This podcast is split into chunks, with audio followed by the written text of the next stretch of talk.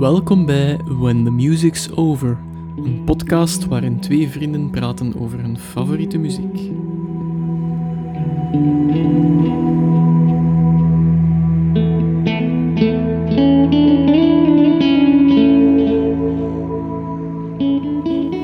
Hallo iedereen en welkom bij een nieuwe aflevering van WTMO. Ik ben Dave. En ik nog altijd Steven. Nog altijd.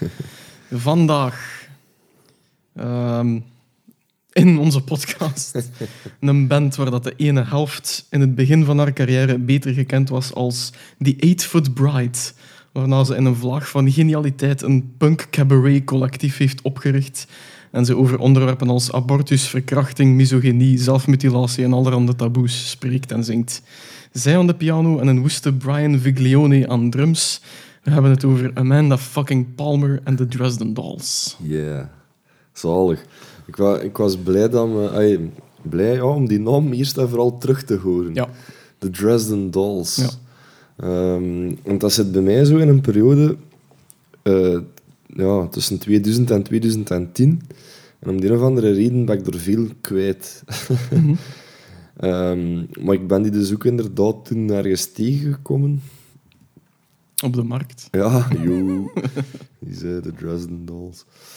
Maar ehm, het sluit mooi aan, vind ik, bij de vorige podcast van de Velvet Underground. Ja. En daarin hebben we gezegd, het was vreemd en dus was het goed, Goed, ja. überhaupt. Ehm, ik denk dat dat er wel een beetje bij aanleunde toen. Zo. Mijn idee van dat was iets, iets nieuw. Eh, dat had ik nog niet gezien, zoiets. Het kwam ook een beetje toen dat we aan het spreken waren van wie gaan we volgende week doen. Hè? Ja, Gelijk dat dat nu al gebeurt. Eh, viel die wel vrij snel uit de lucht. ja. En misschien was dat ons onderbewustzijn die dat koppelden, of, of die naam liet eh Ja. ermee associeerde. Maar ik vind het ook wel achteraf bekeken heel logisch. Ja, Ehm, past perfect. Eigenlijk zit dat mooi in de tijdlijn wel. Ja. Allee, dat, Ja, het is, blijf, blijf erbij ongelooflijk hoe, hoeveel bands dat we in korte tijd ontdekt Ja. hebben. Van ons Ja. ja, 14 Ja. tot ons 20 Ja. of zo. En we hebben misschien bijna alle bands ontdekt waar we nou nog altijd naar luisteren Mhm. of in graven. Dat is ongelooflijk. Maar ehm, zij zitten daar zeker bij. Eh, ook al heb ik er een relatief korte periode naar geluisterd. Eh, dat is, niet, dat, is Ja. niet dat ik die jaar na jaar na jaar opgelegd we heb. zaten ook maar twee cd's toen dat we wij ze Mhm. leren kennen hebben, denk ik. En die eerste vond ik niet, en die tweede heb ik moeten bestellen nog. Dat is een van die eerste cd's geweest dat ik online besteld heb zelfs, Oh. die in, die in Dresden Dolls. Maar goed, eh, we zijn er nu over bezig. Waar heb jij die voor de eerste keer opgevonden? Ja, ehm, ik ben er 99,9% zeker van dat ik het in een verslag van Werchter heb eh, Ja. opgepikt, de Dresden Dolls. En ehm, het viel mij toen op wat een geweldige energie dat er uitging van enkel een piano Ja. en een drum. Dat is niet te doen. Die had een heel, die, dat was toen een... eh, want ik heb het over laatst nog eens opgezocht. Ik heb niet de desbetreffende nummers teruggevonden, maar wel de Dresden Dolls op Werchter, die Warpix überhaupt van Black Sabbath coveren. Ja, Dat is niet normaal. hè. Ehm, ik heb het nog gezien. Die heel die zaal mee. Ja, Eh, met twee man. Ja, de, de drum, dat spettert eraf, die Dat is energie. woest. Dat is ongelooflijk. zalig voor te zien. En Ja. zij, Amanda Palmer, ongelooflijk. Ehm, ik vind een goede stem. Hij Ja. is een stem vast. Ja. Ik kan niet zeggen dat ze een schone stem heeft, denk ik, maar ze stem vast. Ze is, heeft een karakteristieke stem. Ruwen diamant. Ze kan fucking goed piano Ja. spelen. Maar echt heel Ja. goed, want ze begeleidt er volledig. Ze, ze- Ja. ze- die me een beetje pijzen zelf, Ray Manzarek. De bassen met de linkerhand en de melodie met de rechterhand. Eh, maar zo gaat dat waarschijnlijk een piano. Fuck it. Ehm, maar ehm, ja, dat is, dat is meer dan iemand dat zomaar achter een piano gaat zitten en songs begint te performen. Ze Dat is- maken er een show van, echt. Ja.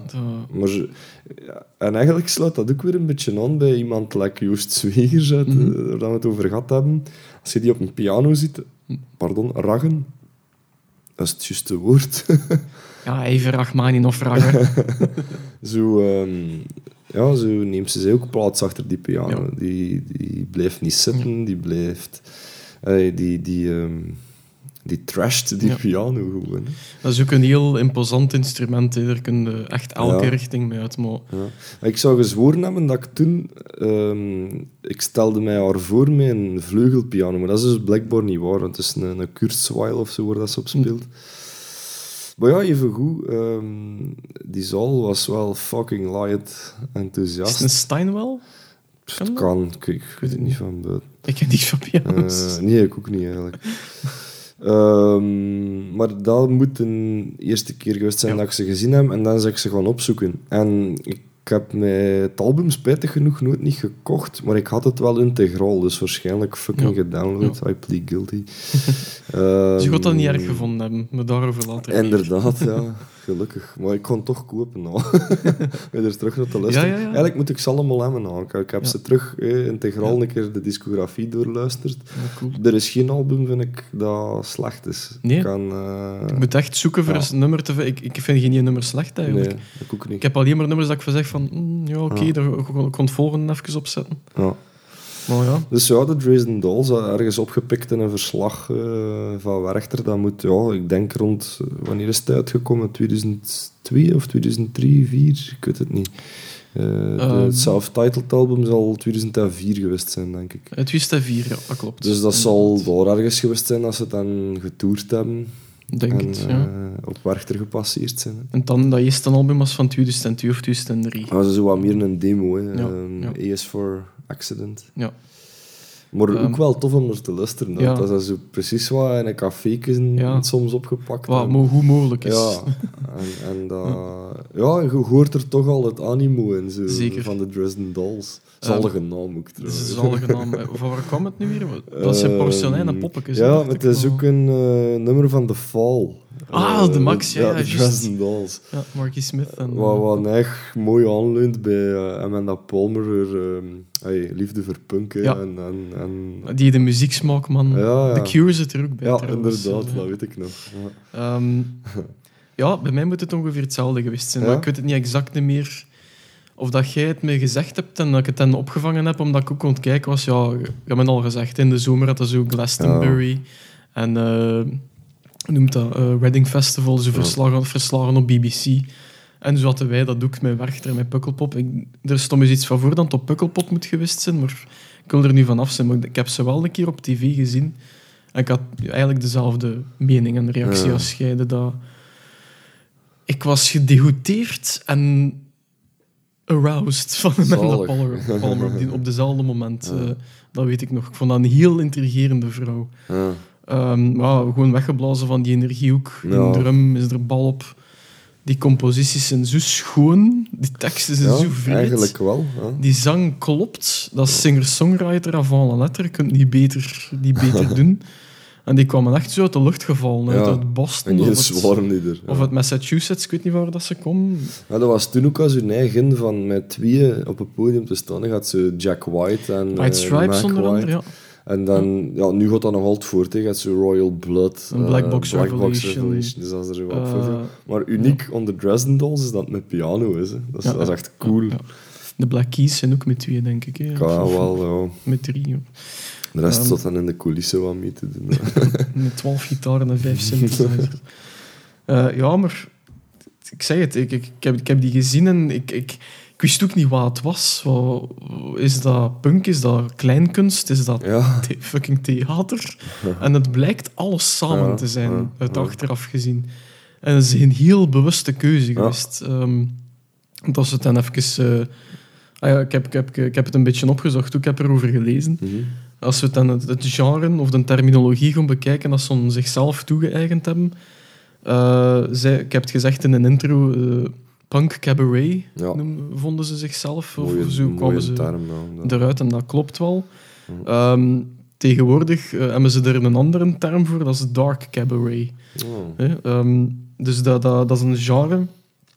Eh, zij, zij zei zelf eh, Brechtian punk cabaret, voor compleet te zijn. Vind ik wel cool. Ja. Dus Brechtian, ehm, Bertolt Brecht. We hebben het dan over het, eh, de Weimar-periode Ja. in de jaren 20 tot de jaren, midden de jaren 30, denk ik. Eh, vlak voordat Hitler aan de macht gekomen is, eh, verkozen is in Duitsland. Ja, zo het interbellum. Ja.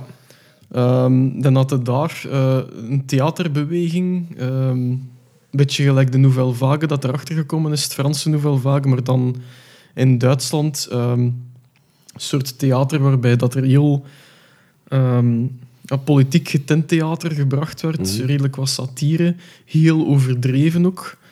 Ehm, maar er zat, zo'n, er zat een, een, een, een, eh, een bepaald iets in een techniek dat ze gebruikten voor het publiek meer te betrekken bij de voorstelling. Ja. En de Bertolt Brecht zijn bedoeling was voor het entertainmentgehalte van een theatershow te overschrijden en voor je zijn publiek echt te laten nadenken over wat dat er eigenlijk uitgebeeld wordt. Ja. En dat noemen ze het eh vervreemdingseffect, eh, het eh, vervreemdingseffect of distancieringseffect. Dat is iets dat uit de Chinees, het Chinees theater komt. En ze bereiken dat eigenlijk door bijvoorbeeld een acteur de vierde muur te laten breken en het publiek te adresseren met zijn bekommernis, met een probleem, met een mening, waarmee dat het publiek eigenlijk aangevallen wordt met die mening Ja. en ze mee, mee in het hoofd van, van de protagonist gaan, gaan denken. Dat is cool. een ander effect dat dat heeft, is dat, dat er veel meer detail is voor het decor en eh, de kostumering, waar dat dan ook details kunnen inzetten die betrekking hebben tot het verhaal. Ja. Dus dat is, hij heeft er essays over geschreven. Ik heb dat nu niet allemaal gelezen, maar ik vond het wel vrij interessant wat dat die event er allemaal mee gedaan heeft. Ja. Ehm, dus we hebben Cabaret en gecoverd waar dat ze het vandaan halen. Dus eh Brecht-Jans Cabaret is muzikaal, dat is belangrijk. Het is episch theater. Ehm, en het vindt zijn oorsprong ook in het expressionisme. En het heeft heel dikwijls van die lugubere, ongemakkelijke onderwerpen, gelijk eh, moord, eh, incest, prostitutie, bestialiteit, blasfemie. Maar we spreken hier over de jaren twintig, mensen. Dus dat, is- dat is niet evident toen. Eh, maar dan ook satire en parodie. Dus het was niet altijd heel zwaar, het was soms heel grappig, maar ook heel vreed tegelijk. Ja. Ehm, en als je dat genre, dat heeft heel veel invloed gehad op film ook. En een moderne regisseur die dat concept nog altijd gebruikt in zijn films is Lars von Trier. Dus dat is Melancholia en ehm, ja. Manderley en een, eh, ik weet niet welke films dat hij nog gedaan had. Zo wat ja, bevreemdend ook, hè. Ja. Zo, inderdaad. Ja. En achteraf dan, Lars von Trier is nu achter eh Brecht dat het dan eh, Jean-Luc Godard, Ja. die de Franse Nouvelle Vague Ja. geleid heeft, met ongeveer hetzelfde, die heeft het eigenlijk in film beginnen gebruiken voor de eerste keer.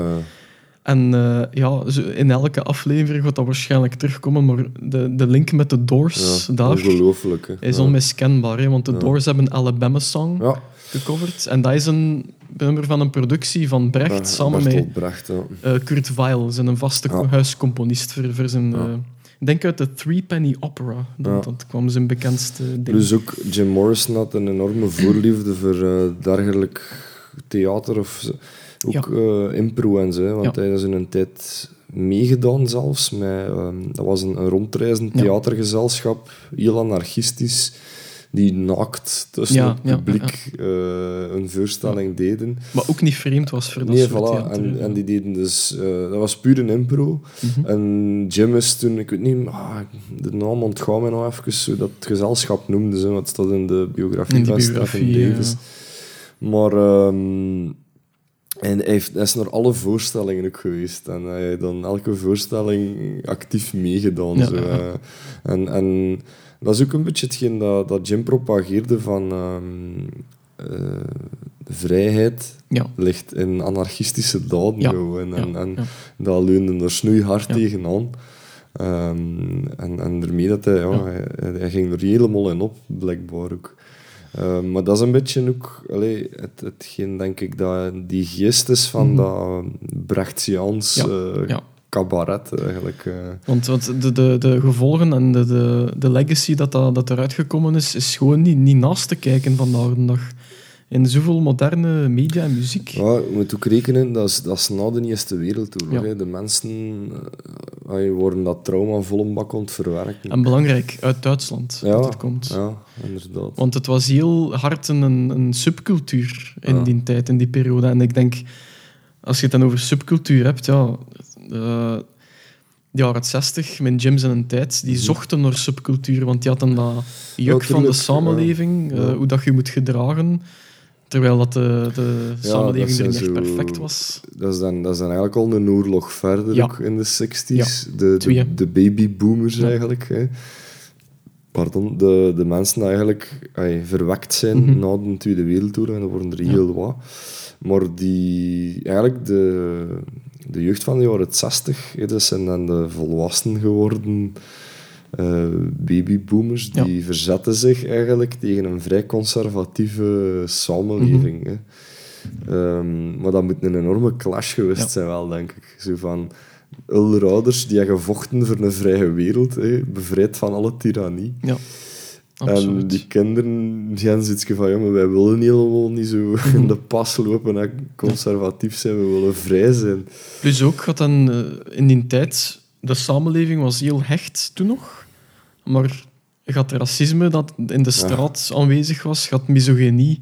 Ehm, en laat die jeugd dan het goede van die jeugd zijn dat ze dat proberen van zich afschudden hebben. En dat zat mee in die afzetbeweging tegen hun ouders, tegen Ja. die babyboomers, tegen die samenleving. Ja. En dan heb je gans, dat, gans die periode met die oorlog er dan bij en al de rest van de reutemeteut in Ja. het eind jaren 60. Maar De- eigenlijk, eh, ik vind persoonlijk dat dat, dat herhaalt zich ook nu. Ja. Zo, dat blijft actueel. Ja. Ehm, mijn persoonlijke mening over onze samenleving nu is dat wij terug in eenzelfde tijdgeest aan het belanden zijn als voor de Eerste Wereldoorlog. Ehm, nationalisme is, is eh, alomtegenwoordig vrij rechts. Europa is Mhm. volledig ontverrechtsen terug. en, en echt extreem rechts ja, ja. Is dat goed, is dat slecht? Goh, ik denk, moet er vooral mee oppassen. dat is mijn persoonlijke mening. We weten wat er gebeurd Ja. is, dat dat te ver komt. Maar ik denk dat de, de jeugd van nu dat niet meer weet, eigenlijk. En dat is perfect normaal en eigenlijk ook hetgeen dat voorspelbaar was. Ja. Want de, de tijd wist dat nog Mhm. eenmaal zo. En Dat is, dat is hetgeen dat onze leraar geschiedenis ook zei van... Pardon, de geschiedenis is een, een slingerbeweging. Mhm. dat, dat herhaalt zich. Ja. En dat kan ook niet anders. Hè.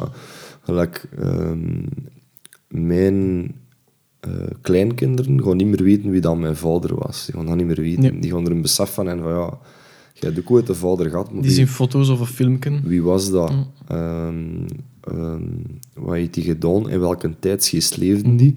Daar gaan die nooit voeling mee hebben. Ja. En dat zijn twee, drie generaties verder. Dus dat, op dat vlak vind ik allee, ehm, heel grappig. De, de Dresden Dolls, hè, om daar even terug op te komen, ehm, traden op in Jules Holland. En Amanda Palmer allee, draait de rand niet om voor een tet of een ding te laten zien. Allee, dat doet ze nog net niet. Maar ze, ze is dan eh, heel uitdagend gekleed. Ja. jartel en, Aha. en weet ik wel, een corsetten en Aha. zo. En zo zit ze er achter die piano. Dus ehm, het was de Jules Holland aflevering. Een programma vind ik nog altijd. Yep. Dat ik ook heel veel leren kennen. Ehm, ja, met de Dresden Dolls, dus ik vond dat geweldig. En dus eh, het concept is, eh, alle bands stonden in een cirkel, iedereen mag zijn ding doen. Ja. En eh, het was om de Dresden Dolls en zij zit er dus, ik wijs als ze eh, My Alcoholic Friends, eh, Mhm. die zalig nummer ook, vind ik. Ehm, ze zit er dus in haar jartels en in haar corset zo. Eh, waarschijnlijk net iets te veel bloot voor de BBC, want het volgende nummer, en je vindt dat echt terug op YouTube, is er een t-shirt aan. Echt?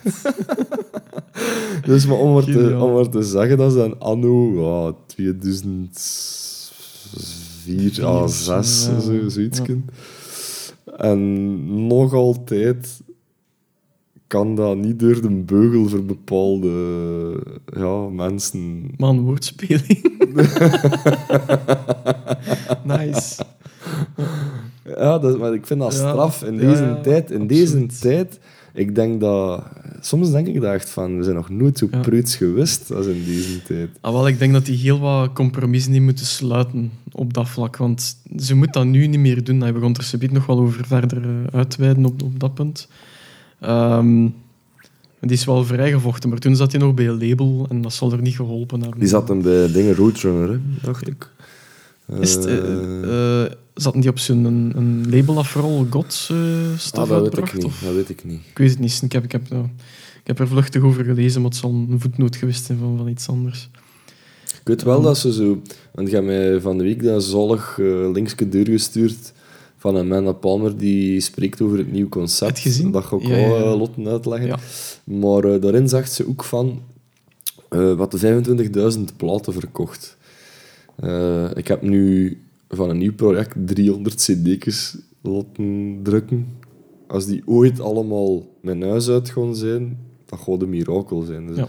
En zij had zoiets van, ja, we hebben 25.000 platen verkocht, dat is toch keigoed. En die platenmaatschappij zei van, nee, dat is echt een een financieel failure. failure. Ja, zo. What the fuck. Allee, weet, Ja. zie je, dat is ook zo Dat is een zwaar discrepantie, contrast. Ja, ja, ja. tussen, tussen ehm, business en kunst eigenlijk. Ja, en die, die business is wel heel hard, krijgt harde klappen nog steeds. En die, gaat, die gaan dat blijven krijgen. Maar ja, dat is dan, daar we het versubiet over Ja, het concept de geld krijgt zware klappen. Ja, ik, heb, ik heb nog een paar sappige voetnoten Ja. eh.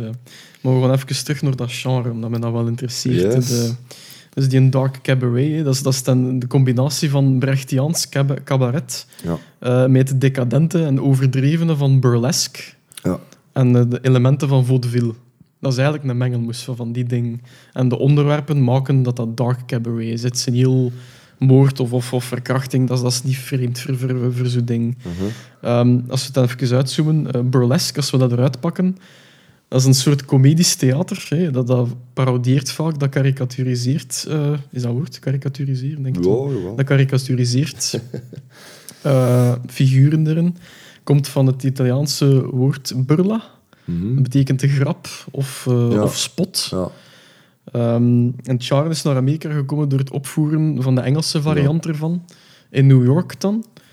Ehm dus m- m- mid 19e eeuw dat dat was. Cool. Amanda is van New York trouwens. Ja, ze is in New York geboren. Massachusetts, Ja, denk in. Massachusetts is ze naar school uh, gestaan. In Lexington.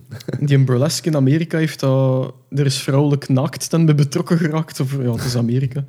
Ehm, en het fenomeen van de stripper en de lapdance komt eigenlijk Ah, van serieus? dat. Ja, Cool. dat komt daarvan.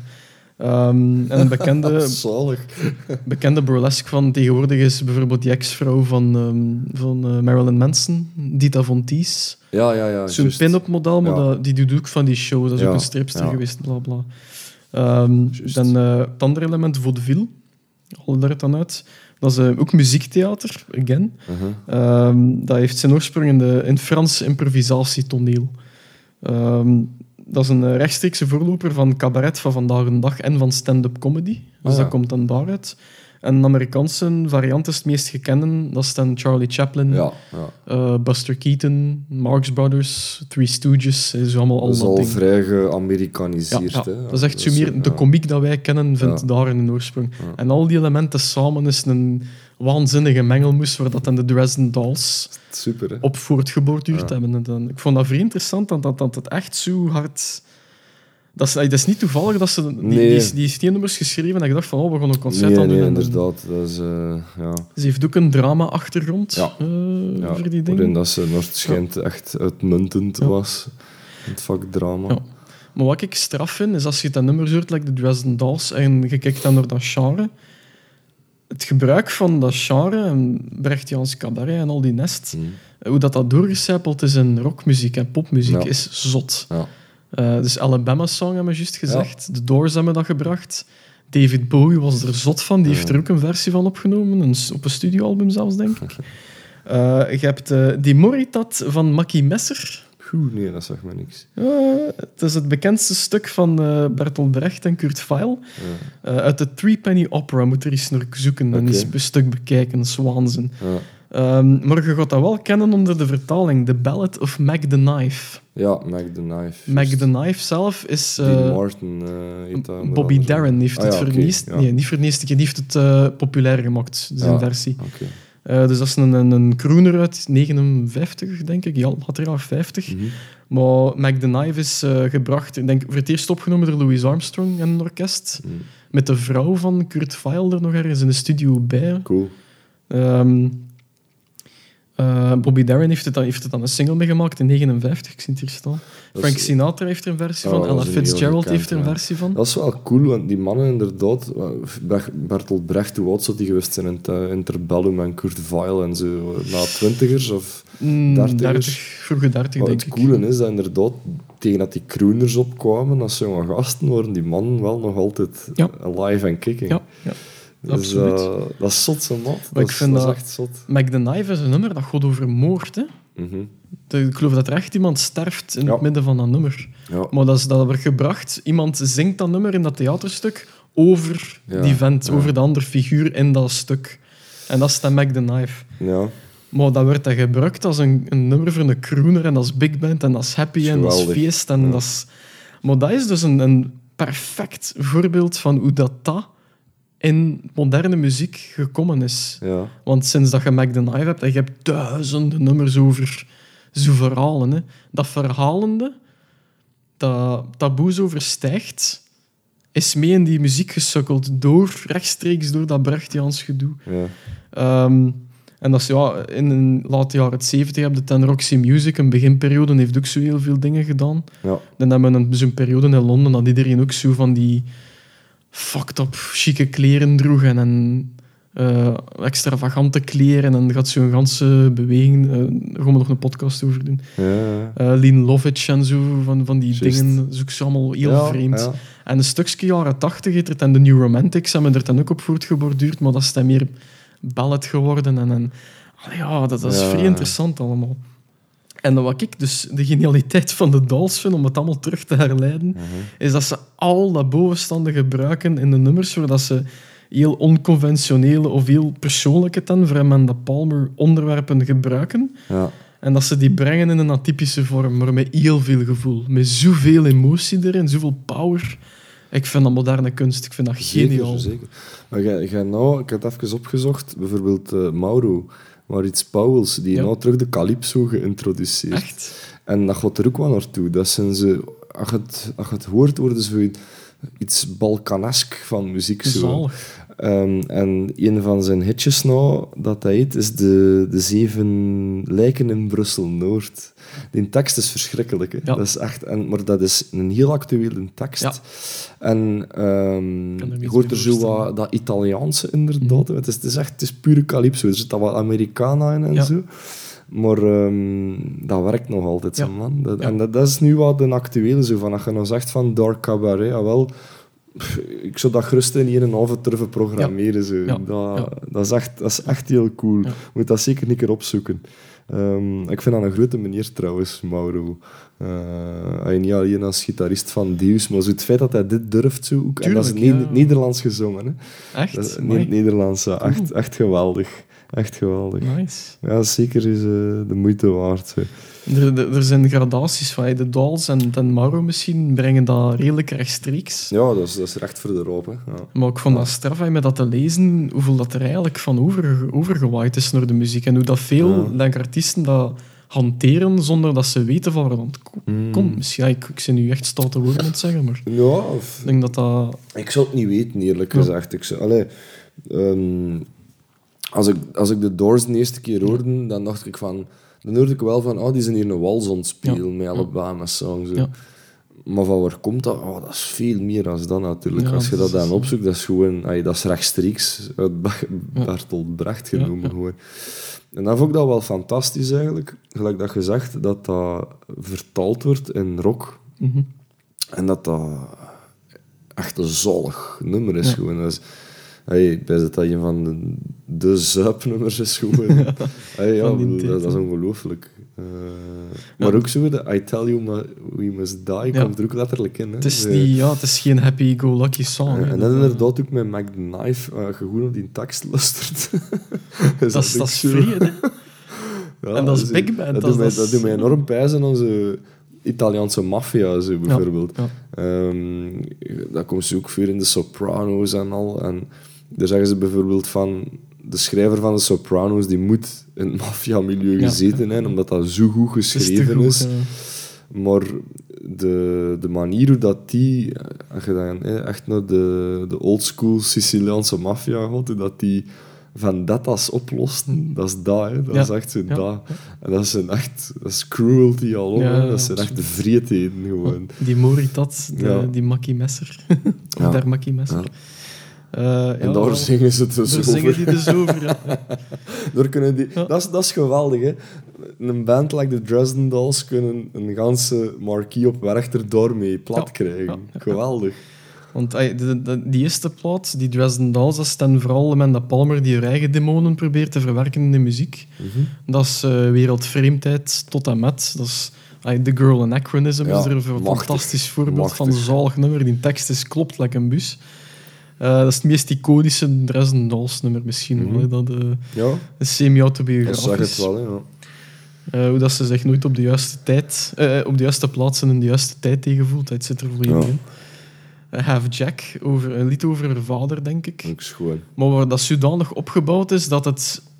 Ah, het, is, het is actueel nu ook met die transgenders Dat is kwestie. dat echt, hè. Ja. Dat is dat. Maar het, is een nummer over haar vader. Ja. Maar ze gebruikt die woorden zo slim dat je automatisch is denkt van... Dat is iemand die van geslacht wilt veranderen, die het niet goed voelt in haar val. Ja. Ehm, Coin-operated boy. Fantastisch. Over, ja... Dat is zo schoon eigenlijk ook, hè. Dat, ja. Dat, dat is ook weer tweeledig. Als je dat hoort en op, op, oppervlakkig naar luistert, dan is dat een, een ode aan de dildo. Eigenlijk. Ja, dat is dat. ja, ja. Maar uiteindelijk komt dat wel op een uitgangspunt. autobiografie. Dat is die Ode aan de dildo. Uiteindelijk draait dat wel uit op een nummer dat eh, over een, een, een, een vrouw gaat die haar hart al een keer te veel gebroken heeft geweest en die er heel bitter inderdaad. over is. Zo van, ik moet geen echte meer hebben, ik wil gewoon een, een, een dat kan op en dat kan Dat, maar ergens hoor ik er ook een klein meisje in dat dat zingt. Zo. Dat wel. vind ik geweldig. Dat is heel belangrijk. De manier waarop dat ze iets brengt is, Dat is, cruciaal. Dat is ongelooflijk. Hè. dat je er al in haar gat gebeten ook is. Ze heeft er eerst een single uitgebracht eh, over ehm, ehm, een meisje dat verkracht wordt op een feest omdat ze, dat er iemand iets in haar drankje gedaan Ja. had. Maar de manier waarop dat ze dat brengt, ziet er een clipje over gemaakt ook. Eh, ik weet niet wat er rode draad is aan dat nummer. Dat ze ticketten heeft voor een, een, eh, voor een band te gaan bekijken met iemand. Ik weet niet meer welke band.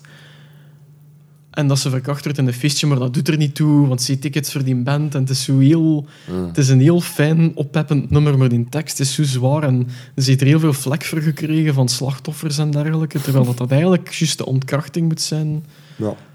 Van gans dat gegeven en het wel onder de kaart probeert te brengen van dit is niet oké. Ja, en de manier waarop dat ik het breng, zou dat duidelijk moeten maken. Maar, Ja. maar ik kijk, zo, zo dingen dus. Eh, Bad Habit.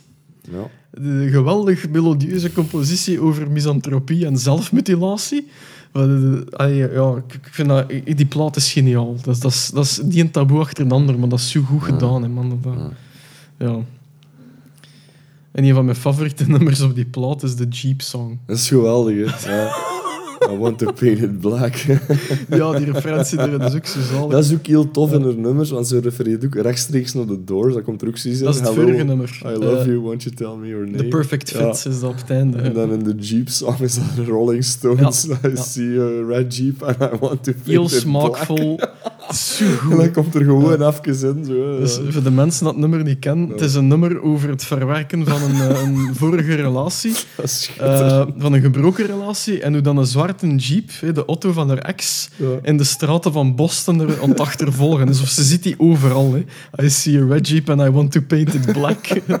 Eh, I guess it's just my rotten luck that all of Boston drives the same black fucking Ja, truck. Dat Ik is vind dat geweldig. zo, zo goede tekst. Ja, dat, Ja. dat, dat is echt de kracht. Dat, dat is ook iets inderdaad, haar manier van eh, nummers schrijven, die eh, spreekt mij enorm aan. Ik vind dat een heel herkenbare manier van schrijven. Ah, dat, is, ja. Dat is niet grotesk, hè. Nee, nee. Niet, niet met superveel beeldspraak. Zo, onderwerpen maar zijn grotesk, maar woorden zijn Ja, heel ja. to the point. Gewoon echt goede teksten Goeie geschreven. rhymes ook, ja. Ik- ja, dat, ik vind dat enorm tof. Ja. Dat, dat apprecieer ik enorm aan Amanda Palmer, Ja. manier van, van songwriting. Absoluut. Eh, ja. toen ik ze van de week terug hoorde, zat ik er ook daardoor direct terug in, Ja. want ze vertelt verhalen. Hè. Ja. En je Ja, ja, ja. Zegt gewoon aan het luisteren, ah, ja, en dan... Dat is er heel fijn aan. Zoveel humor in. Ja, ja. Dat is echt geweldig. Heel veel self-deprecating stuff, heel veel lachen met dingen die eigenlijk niet voor te lachen zijn, maar de manier waarop dat ze het dan uitlegt, maakt het voor te lachen en relativeert gans andere. Ja. Vind ik er heel fijn aan ook. Eh, ja, die andere twee platen, eh, Yes Virginia en No Virginia, Max. eh, zijn ook goed. En er is, daar is een cover op, denk ik, van Pretty in Pink, als ik me niet vergis. Eh, Dat kan wel. eh, ja, de Sheep Song is een keer staan. Dus dat is geweldig. Eh, The Lonesome Organist Rapes Page Turner. Wij zaten ook My Alcoholic Friends op een van Ja, dat is, dat is op Yes Virginia. Vind ik een Ja, heel tof ja. nummer ook. Dat is dat doet me wat denken ook aan Alabama songs. Ja, ja. ja. En dat, dat werkt ook echt live fantastisch, Ja. zoiets. Ja. Dat is een nummer like First Orgasm, over dat ze opstaat en moet werken en e-mails verstuurt. Maar blijkbaar is ze dan toch ergens aan het masturberen, terwijl dat er mensen voorbij ontkomen zijn om is raam. Dat heeft dan ook een, een eh, totaal ja. ander uitgangspunt dan dat. Ik heb zo hard moeten lachen met dat nummer. Oh, hoe noemt dat? Van ehm, Girls are masturbating, that's the way it goes in Ja, ja. Minnesota. Ja, inderdaad. Manneken, eh, dat, Wat- dat is- wat was het nu weer? Ja, Oklahoma, homa, homa. Die een homa dat erin is geweldig. cool, en die clip is ook kei, kei grappig gewoon. En dat is echt de basis in a way. Ze, legt erin uit van ja, dat is de reden waarom dat man altijd naar vrouwen gaat kijken. En de reden waarom dat vrouwen altijd een prins zoeken, maar die bestond eigenlijk niet. Inderdaad, ja, ja. En, en dat is de reden waarom dat mannen over gans de natie aan het masturberen zijn. Zo. That's the way it goes. Zo. Ik, ik kan That's de- the way ik- it is in ja, Minnesota. hè. Minnesota, ik, ik soda. kan er zo mee lachen. En die clip ook, dat is, dat is geweldig gedaan gewoon. Ja, dat, dat vind ik ook wel zo. Elder, elder. Ze hebben Ja. kwaliteit hè, in opnames en in, in clips. En ik vind dat hun, ehm, hun cd's in stijgende lijn gaan. Ik vind... Allee, E, E is for Accident, dat is een beetje buiten categorie. Dat wordt ook meer als een demo beschouwd. Maar eigenlijk vanaf de Dresden Dolls zelf, het self-titled album, fantastische productie. Eh, want ik heb dat een keer opgezocht. Het is een, niet zo'n bekende... Wacht eens. Eh, ik kan mijn eigen schrift niet meer lezen. Martin... Martin. Martin Beer. Maar dat kan niet. Martin Bij. Alleszins, allee, ja, dat is goed geproduceerd. En dat, dat gaat in stijgende lijn. Dus allee, dat, Absoluut. dat is heel tof om naar te luisteren. Het ook. is eigenlijk spijtig dat ze niet meer samen zijn, maar ik zou nog wel eens een nieuwe CD willen hebben van onder, van Ja. onder tweeën. Ja. Ze is solo gegaan achter, de, achter No Virginia. Onder, ondertussen ik eens even opzoeken wie dat die producer is. Ik wil die Ehm, wel zijn credits geven. Ja, als we het dan even... eh, ja, het is, je kunt niet over de Dresden Dolls babbelen zonder in te zoomen op Amanda Palmer. Want is- dat is- Nee, nee, inderdaad. Ah, die Viglione weet ik ook niet veel van. Er is ook niet veel van te Er is niet vinden, veel van te vinden. Ik, waren die, vroeg ik mij af, een koppel op het moment van de Dresden Dolls? Geen idee. Eh, ik, ik had precies altijd die indruk. Er stond iets van voor dat die even een koppel geweest zijn, maar Ja. ondertussen niet meer misschien. Hij is een punkdrummer, hè. Ja, Een want hij is achter, achter de Dresden Dolls terug vol een bak voor zijn punk. eh. Ja. Een heftige punkdrummer wel. Ja. Ik heb er eens één show van gezien. eh was, Ja. was niet, niet mals. Ja. Ehm, maar als je het in haar ziet, ze doet mij altijd denken aan zo... Ken je dat, dat alter, alterno meisje van op de speelplaats van vroeger? ja. Eh, waar dat je echt zo ge Ja, geïnteresseerd ze- zit. ze maar- iets, hè. Ja, Dat is, eh, absoluut. Dat is geen schoonheid, maar ze iets. Ja, allee, ja, sorry als ik... Oh, ja, Allee, nee. ik bedoel, een schoonheid, dat is ook zo relatief. Hè, maar Ze bedoel, maken het ook niet ze- gemakkelijk, ze, man. Ze voldoen niet, laten we zeggen, ze gaan niet mee in de schoonheidsideaal van eh, whatever, ja, wat dat ook moet zijn. Maar dat is oké. Dat is oké, Dat- ja, dat- maar, maar net dat moktuur vind ik interessant. Zo, van, dat, is het- dat is zo'n type mesje kunnen zijn waar dat ik voor zou Ja. gevallen zijn op school, zo, inderdaad. Het is een feministe nu. eh, Ze laat haar op haar benen groeien, laat het haar aan haar oksels groeien. ze scheert haar wenkbrauwen af en ze, ze, tekent die erop. tattoos, hè, ja, Ze maakt het ja. niet gemakkelijk, hè, man. Maar ze doet wel... Ze, ze, doet- ze doet dat goed in de zin dat je er voorbij kunt kijken. Als je Ja. ze bezig ziet en je hoort ze en je ziet ze babbel... I, I, I dig it, weet je wel. Dat, Zeker. dat, dat is een mens en een, dat, dat, dat doet er niet af on, on wie dat is. Mhm. Ehm, maar wat ik dus fantastisch vind, en dat ik geen ene artiest nog weet en nadoen, of ik weet toch van geen enkele artiest die dat gedaan heeft. Het eerste dat hij gedaan heeft naar eh, studies aan een, eh, een high-standing drama university, eh, is ze afgestudeerd en ze is eh, zelfstandig begonnen als levend Dat is standbeeld. geweldig. Ja. Zalig. Dat, dat, allee. Heel schoon hoe dat ze dat uitlegden er in die... allee, Ja. Die TED-talk. ja, Ja. wel. one girl show dan. ja, dat is gewoon een talk. Ja. een onderwerp dat je vrij kunt over gaan babbelen. Ah. Dat is een, zo'n platform, dat is wel heel interessant. Man. Ah, cool. Als je dat nog niet gezien hebt, TED Talks, Die worden gegeven over gans de wereld en er komen antropologen, eh, eh, mensen die biogenetica, eh, moleculair koken. Zo. er is één zalige van een oude vent en die komt dat publiek tonen hoe dat je je handen kunt wassen met één papieren handdoekje. In plaats van er twintig, in plaats van er twintig af te trekken Zalig. van een rol, hij één Dat is echt handdoekje wat we nodig hebben. en dan zegt ze shake, fold. En dan hij dat gans dat publiek zo nazeggen en dan slot hij dat echt met twee bakjes water voor te doen dat je dat doet. Dat is een talk van vijf minuten en dat is geniaal. Ja. Dat is Iedereen, die iedereen mee op die Ja. vijf minuten.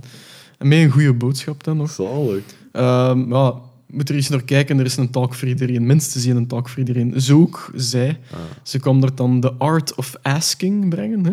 Dus als we zeggen, achter 2010 is ze niet meer bij een groot label. Ja. Omdat ze er te veel zever mee had en te veel hommels en ze moest er eigen verkopen en dat wou ze niet. En het is een hele linkse van gedachtegoed en ze trekt dat door in alles. Ehm The Art of Asking. Hè. Dus ze zegt daar dat haar eerste job inderdaad een levend standbeeld zijn was. En dat dat de ideale opleiding was voor in de muziekindustrie terecht te komen. Mhm. Omdat ze echt constant... eh, ze probeerde haar eigen te verkopen daar. Maar ze, ze doet dat niet proactief. Ehm, ehm, maar ze doet dat er echt te vragen van... Kijk, ik stond hier iets te doen en jij kunt geld geven als je dat wilt. En als je dat niet wilt, ga je gewoon voort.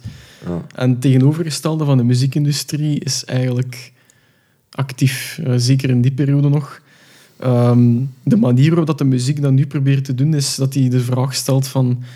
Hoe kunnen we die muziek het best verkopen? Ja. En zij stelt van... eh, je moet niet de vraag stellen hoe dat je dat best kunt verkopen. Eh, hoe kunnen we de mensen de muziek laten kopen? En dat is een heel belangrijke nuance. Zeker. Ehm, waar, waar dat ik heel hard in geloof. Maar, maar de keerzijde van dat systeem is dat zij men dat Palmer is en een beginnend muzikant niet. Ehm, Dat is een heel belangrijke nuance, inderdaad. Die heb ik mij ook direct gemaakt. Ja. Niet zozeer omdat ze Amanda Palmer is, maar wel omdat ze eerst in een ander Ja. systeem gezeten heeft. en mensen kennen en dat er enigszins zat van. Zo, dat ja. ze ook letterlijk in dat, talk van ik heb mijn connecties. Ja. Als je dat niet hebt, forget it. Ja.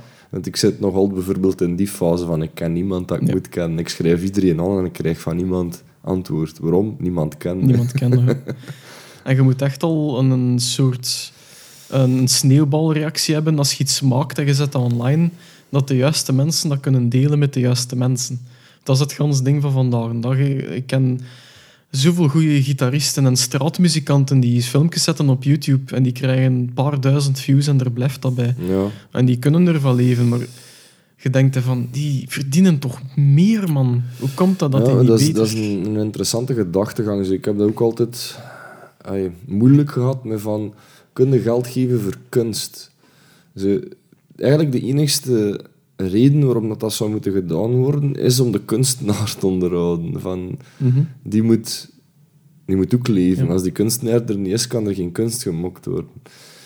Dan is de vraag wat die kunst bijbrengt voor iemand persoonlijk. En als hij er waarde uit kan Ja. halen, vind ik wel dat dat zijn keuze is hoeveel Dus ik dat die waarde akkoord. is een monetair... Maar ik vrees in deze tijd dat je er niet van kunt leven. Dat is ook de reden waarom dat ik nog altijd een, een dayjob heb. Mhm. Allee, ik bedoel, daarna heb ik geen job. Maar, maar ik, ik hoop ooit wel daarna nog iets te hebben. Bijvoorbeeld in muziek en zo. Maar dat gaat volgens mij nooit mijn hoofdmoot zijn van mijn inkomen. En eh, dat is bijvoorbeeld ook de reden waarom dat ik... ehm, ik we hebben nog dat project Mhm. gemokt, maar daarover later meer. Ehm, dat is niet mijn reden om daar commercieel of financieel benefiet uit te halen, zelfs niet break-even te draaien. Mijn doel is, ik wil dat zoveel mogelijk verspreiden. Zoveel mogelijk mensen moeten dat kunnen horen. Ja. Ehm, en ik verwacht er eigenlijk financieel niks van terug. Ik heb erin geïnvesteerd, maar ik verwacht er niks van terug. Dat ijs gelegd voor u. Ja. Ja, ja. Ja. Ehm, maar ik zeg het, ik blijf dat een hele moeilijke vinden, want als je mensen gelijk kunstenaars niet sponsort, Mhm. kunnen die mensen niet leven en Ja. kunnen die geen kunst maken. En het ding is zo... eh, zij heeft dat dan nu kunnen fixen met... Eerst met die Kickstarter in 2011, dus 2010 Dat verliest is ze label. een crowdfunding. Ja. En in 2011 trekt ze naar Kickstarter wel heel interessant. in april. Ja. Eh, dat is voor haar album Theater is Evil. Dus ze is dan solo gegaan ondertussen, Ja. uiteraard. Ja. Met eh Who Killed Amanda Palmer, een geweldig album. Zalig album, ja. We gaan het subiet hebben over het laatste album. Dat, dat is ook de moeite. Eh, maar die Theater is Evil, dat is een album dat opgenomen is met een orkest. Mhm. Ik denk de Grand Theft Orchestra dat het noemt. En een bijhorende tour dat ze met dat geld van die crowdfunding wat funden. Mhm. Ehm, ze heeft eh, 24.883 mensen Ja. eh, met die Kickstarter. Dat is een video dat je kunt posten voor de mensen die het niet kennen. En er stonden pledges bij, dus een hoeveelheid geld dat je zou kunnen geven. En de bijhorende reward dat je krijgt. De bijhorende, de, eh, wat is het Nederlands woord voor reward? Beloning. Ja, Voor de, voor de beloning dat je ervoor in ruil krijgt. In haar geval was dat een CD. Eh, de minimum pledge, denk ik, was eh, een digitaal CD, dus gewoon de MP3'tjes. Dan had de gewone CD, dan had de CD maar gehandtekend. Dan had hij een deluxe CD met een DVD bij, met een making-of en whatever. En zo ging altijd maar voort. En de pledge van 10.000 dollar dat niemand gekocht heeft, wel twee man van 5.000 die iets anders gedaan hebben, eh, was dat zij naar uw huis ging komen met dat orkest. En ze ging u verkleden in de... Ook zo, ja, ze hadden dan ook van alle fanfare-kostuums uit de jaren twintig zo aan en zo heel... eh, ook wel een beetje cabaret Ja. En dan gingen ze een fotoshoot doen en zij ging voor u komen spelen in uw living. Ja. En gaan ze ruiten met uit. hè.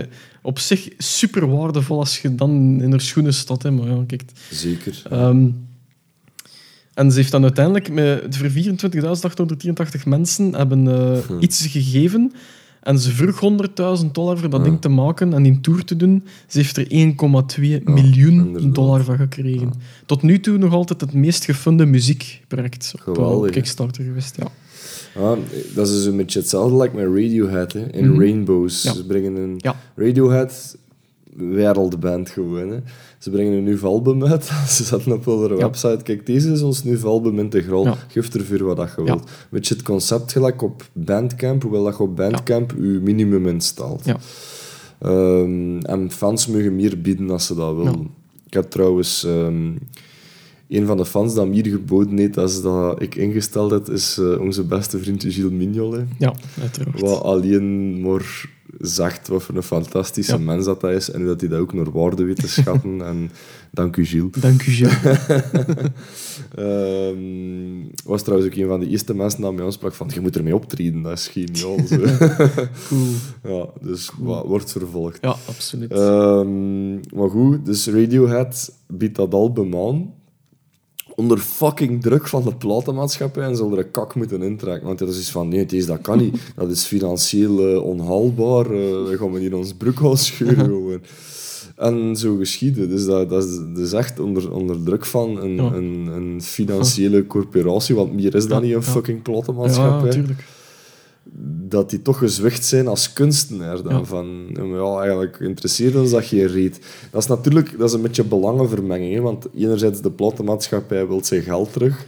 Maar de vraag is, en dat is met alles zo wat dat onderhevig is volgens mij aan een monetair stelsel, want ik, ik kots daar ook op, ehm, dat, dat moet terugvloeien ergens. Mhm. Want anders ja, dat werkt dat weer ja. niet. En dan kunnen dan mensen die er hard voor gewerkt hebben ook niet uitbetalen. En zo. Maar, denk dat in, in hun geval was het ook wel, denk ik, contractuele zever. Dat ja, ze- waarschijnlijk wel. Ik vind het ook wel, wel cool dat ze dat gedaan Ja, hebben. tuurlijk. Maar, Maar- dan zo'n crowdfunding vind ik wel een geniaal concept. Want hebben we in de tijd met Chief Roberts ook een keer dat ehm, voorstel gekregen van hey mannen, waarom doe je geen crowdfunding? Mhm. En wat is zelfs een, een maatschappij dat dat deed in Antwerpen. Aha. En we vertrouwden dat voor geen. Maar waarschijnlijk zou dat gewerkt hebben. Waarschijnlijk had, pakt dat, hadden wij 5000 euro opgehaald. Maar toen zit ik van, "Ja, niemand kent ons. Wie gaat dat doen? You never know. Als er een is dat geïnteresseerd is en die zegt van... Ja, hé mannen, wil er wel een plot maken? Ah, wel, kijk, hier is al een paar honderd euro. Voor ons had dat heel veel betekend. Het coole is hè, dat je profilatie krijgt door dat, Ook al, ook al. door dat, dat portaal van Kickstarter of een ander En, en plus, mijn dilemma van betalen voor kunst is volledig uit de weg geruimd. Want mensen geven Ja. wat ze willen. Ja. Zo van, ja, kijk, dit is het mijn Ja. waard, dit krijg je ervoor. En dat werkt. Wel, Kickstarter heeft, eh, heeft heel veel... ay, een beetje controverse, omdat ze niet tot 100% kunnen garanderen dat de mensen, de artiesten, de dingen, de mensen die iets maken, dat die dat tot bij de eindklant kunnen brengen. Mhm. Ik heb bijvoorbeeld... eh, een, een, tandenborstel gekocht op Kickstarter, twee jaar geleden gebakt. Dat is een bit dat je in je mond moet steken en dat poetst je tanden voor u in 10 seconden. Maar dat concept was geniaal. Alles voor tijd te. Dus ik, heb dat ge- ik had dat gebackt en Daphne was ook wild van, van dat concept. Maar Het is op zich een goed systeem, want niemand poetst zijn tanden graag. Ik ook Ja, niet, dat. Ik vind dat verschrikkelijk. Maar ik, moet, maar ik moet dat doen of mijn tanden vallen uit. Dus ik had dat ding gekocht en dat is een bit. En je ja, hoor. Ah, ja, heel goed. En dat poetst echt je tanden in 10 seconden, maar dat marcheert voor geen meter, gelijk dat je wel kunt raden. Maar kijk, dat concept was er. Dat werd gebackt door tandartsen. Die hadden er, hebben er echt documenten van vrijgegeven van eh x aantal tandartsen hebben dit eh, ondertekend en dat is een essay ervan en dat werkt voor die en die reden. En dat is een techniek. Ehm, eh, dat ze toepassen voor die tanden te poetsen allemaal tegelijk met kleine wat, is dat, wat is dat zo van die ehm, draadjes van die licht plastieke draadjes zo siliconen draadjes eigenlijk. Ehm, en die, die, er zit een systeem in een pomp dat dat, dat tandpasta door die, gaat, door die draadjes mee naar je tanden vloeit. Geweldig. Ah, wel. Dus ik zag dat en ik dacht van, dat moet ik hebben. Dat is, dat is de toekomst. Dat is het- ik leef in 2014 en ik wil dat hebben. Ik wil geen tangenborstel. Dus eh, we hebben er dan, eh, ik denk, wat was dat, 90 euro gegeven met gedacht van, ik moet nooit een tandenborstel kopen, maar ja, dat marcheert dus voor de helft van de, van de tijd niet. Dat is veel te zwak eh, voor de manier van poetsen. Maar dat ik maar mee wil zeggen, dat bedrijf is nu failliet. Dat is de ultieme grap, hè. En een derde van de mensen hebben, een hebben dat machine nog altijd niet gekregen, maar ze hebben Ja. er wel voor betaald. Dus dat is wel een keerzijde van Kickstarter. Met muziek gaan dat niet gauw hebben. Dat, ik denk, denk niet dat er muzikale projecten zijn die zijn- niet tot bij de eindklant geraken. platforms voor. Ja. Maar iets dat iets moet maken en waar Ja, heel veel shit mee gemoeid is. distributie. Is- logistiek. Ik heb ook getwijfeld, gelijk op Bandcamp bijvoorbeeld, ga ik mijn cd kunnen shippen. Ik heb dat bewust niet gedaan. Omdat dat ook weer die shit teweeg brengt. Van, moet de tax betalen, moet de Mhm. uitvoerrecht betalen. Pff. Fuck it, dat interesseert me niet. Koop het dan gewoon digitaal. kunnen we er mee pakken. Hè. En op die noot, Amanda Palmer, ik heb een, een podcast gehoord vandaag, eh, die ze opgenomen heeft in mei, dus nog eh, twee maanden geleden Mhm. nu. Ehm, waar dat ze toe, eh, gezegd heeft, toegegeven niet, ze heeft gewoon, het kwam te passen, ze zei dat het terloops, eh, ze heeft verlies gedraaid op die Kickstarter. Fuck. Ze, heeft, ze hebben één, ding, één belangrijk ding vergeten. Shipping. Ja. Shipping is pokkenduur. Ja. Als ze heeft op haar, op haar project toen gezegd, we doen free, in- free international Ah. shipping. Maar dat is, dat is niet normaal duur. Ze heeft gezegd, eh, we hebben 300.000 dollar moeten opleggen voor shipping te coveren. Voor dat project. Ja. Dus ondanks die project. 1,2 Ja. miljoen is het er Ja. 300 al moeten En opleggen. ze zei dat, well, uh, we didn't, we didn't make Ah, profit on that. We didn't make profit on that. But you know what? I don't give a fuck. Ja. It doesn't matter. Just doesn't matter. We did Dat is that. fucking veel geld, hè, man. Ja. Dat is echt. Ja. Maar het is iets geluk dat ze wel, ze zal wel een spaarboekje hebben. Ze, ze, ze Ehm, maar zelfs met dat... En dan, dat ze heeft ook niet meer gedaan met. Kickstarter. Ik heb dat project op grote schaal kunnen Ja. financieren. Hè. Ja. Allee, ik bedoel, Dus je hebt Kickstarter als Dus platform. in hoeverre heb je door verlies ik bedoel, weet je, Natuurlijk. eh, is, financieel verlies misschien, maar uw fans zijn blij. hè. voilà. En ze, dat, dat zegt ze zelf ook. Ik, heb, ik zal dat opnieuw doen. Direct. Zonder twijfel. Ja, ik heb dat betaald. Who gives a fuck? Ik heb dat nu gemaakt en dat is gebeurd. En ik heb er heel veel fijne herinneringen aan en fijne ervaringen. Ja, die Kickstarter, dat is, je kunt er dingen opzetten voor eh like die stoem- en tandenborstel of eh, de 101 van die oplaadkabeltjes die ze in 101 formaten maken, like een, een ketting. Waar je dan in, pla- in plaats van dus een flimsy kabel voor je telefoon op te laden, kun je een ketting kopen en, en zo allemaal van die dingen. Je kunt er spelletjes op kopen, je kunt er boeken op kopen. Mensen die een idee hebben voor een boek, die dan een draft erop staan hebben en mensen zeggen van ah, oké, ik wil dat wel volledig lezen, die dit dan bekken voor de volgende twee novels dat erachter volgen ook mee te, mee te pakken. Maar dat is Kickstarter, dat is heel algemeen.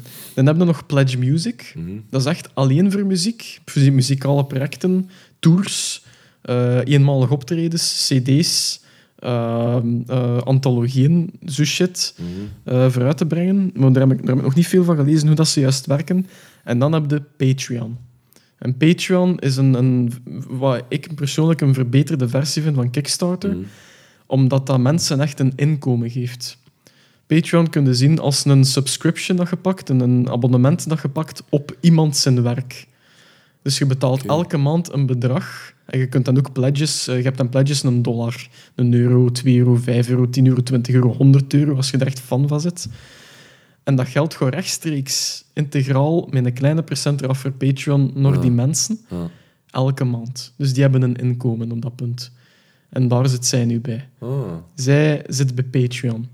En ze heeft tot nu toe, ik denk, vijfen- 35 of 36 actieve projecten op zes jaar tijd mooi. heeft zij nu kunnen bewerkstelligen.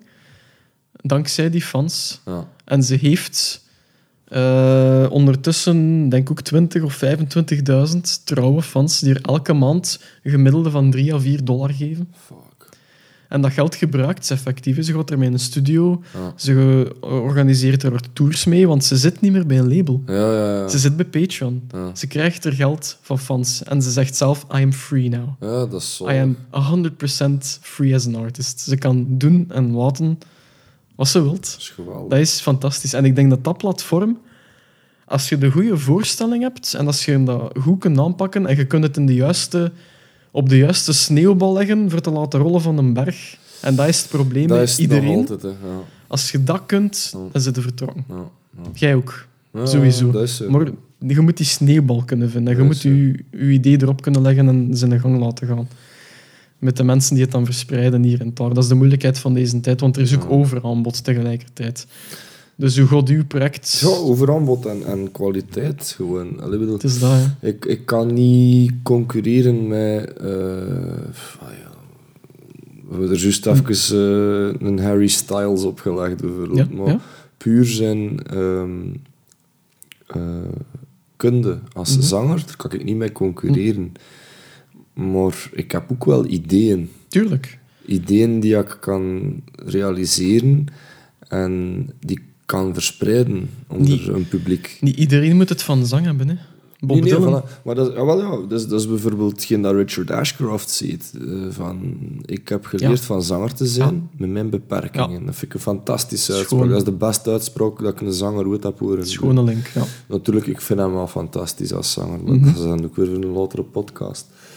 Ehm, maar het, is, het wil niet zeggen, inderdaad, omdat je niet, niet kunt zingen, dat je geen grote artiest kunt zijn. Mhm. Ik bedoel, eh, als je kijkt naar cultgroepen like The Fall bijvoorbeeld, Mhm.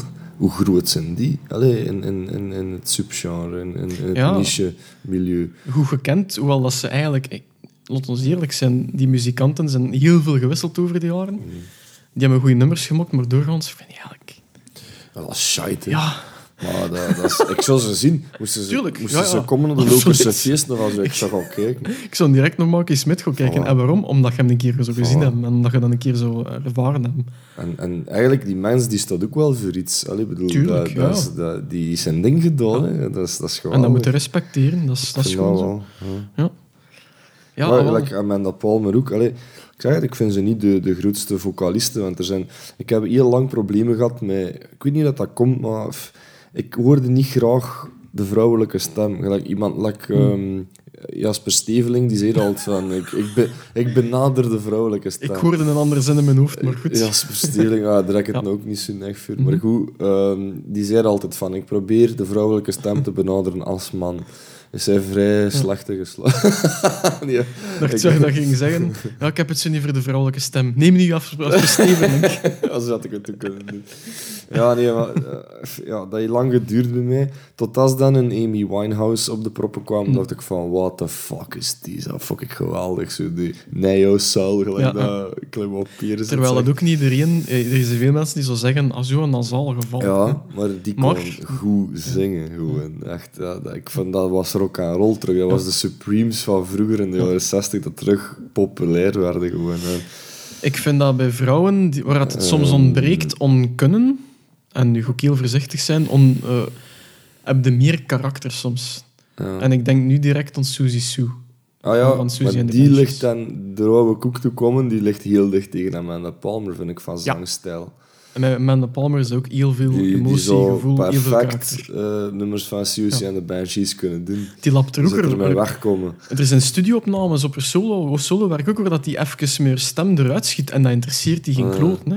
Langs de andere Dat doet er kant, ook niet toe over ik vind wel, haar, haar diepe, haar zware stem is heel stemvast en dat is ook een kwaliteit. Ik vind, hij- ze, ze, ze kan echt wel Die kan zingen. goed zingen, Ze kan echt wel zingen, ja. Die, die doet dat ook zonder, ja. zonder blikken of blozen. Waar, eh Ja. altijd een ukulele boven Ja. Tegenwoordig en dan speelt hij een nummer, die zingt erbij en dat is goed. Ehm, als je dan kijkt, bijvoorbeeld, mijn, nou, mijn all-time favorite, en ik denk niet dat er nog iemand over gaat geraken, maar dat weten we, dat is Hannah Reid van London Grammar. Ja, je het gezegd. dat vind ik niet normaal. Ja. Dat is angel voice gewoon. Maar Ah, je kunt dat ten, zwemmen, ten top, ten top.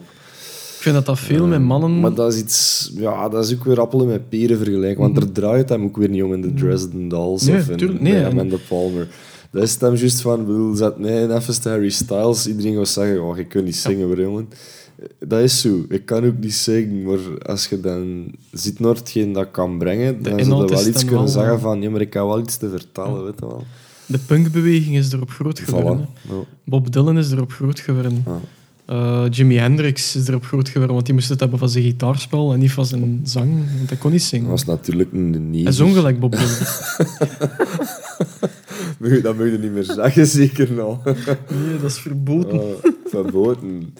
Dat is waar. En- Afro-Amerikaan, dat is ook niet meer correct, zeker. Ik weet niet meer wat dat correct is, Ah, wel. Echt, ik weet iedereen, het niet meer. Iedereen gaat met zo'n racist verslijten. Maar dat is zo... Wij zijn opgegroeid met het feit van een zwarte, dat was een neger voor Ja, ons. en dat was, had geen negatieve Dat zelfstandig naamwoord. Ja, Maar het is ingewikkeld geworden, hè, want negers mogen wel niet- onderling nog neger zeggen tegen Maar als blanke je dat niet meer maar zeggen. ik weet oprecht niet hoe dat ik die mensen moet maar dat benoemen. is niet fucking slecht bedoeld. Allee, Eh, ik zeg nog altijd zwarten of neger, maar ik bedoel dat absoluut niet slecht. Nee, voilà, voilà. Dat is een term voor mij, Maar dat, dat ik is zo het, poli- ja. het politiek correct denken. Ja.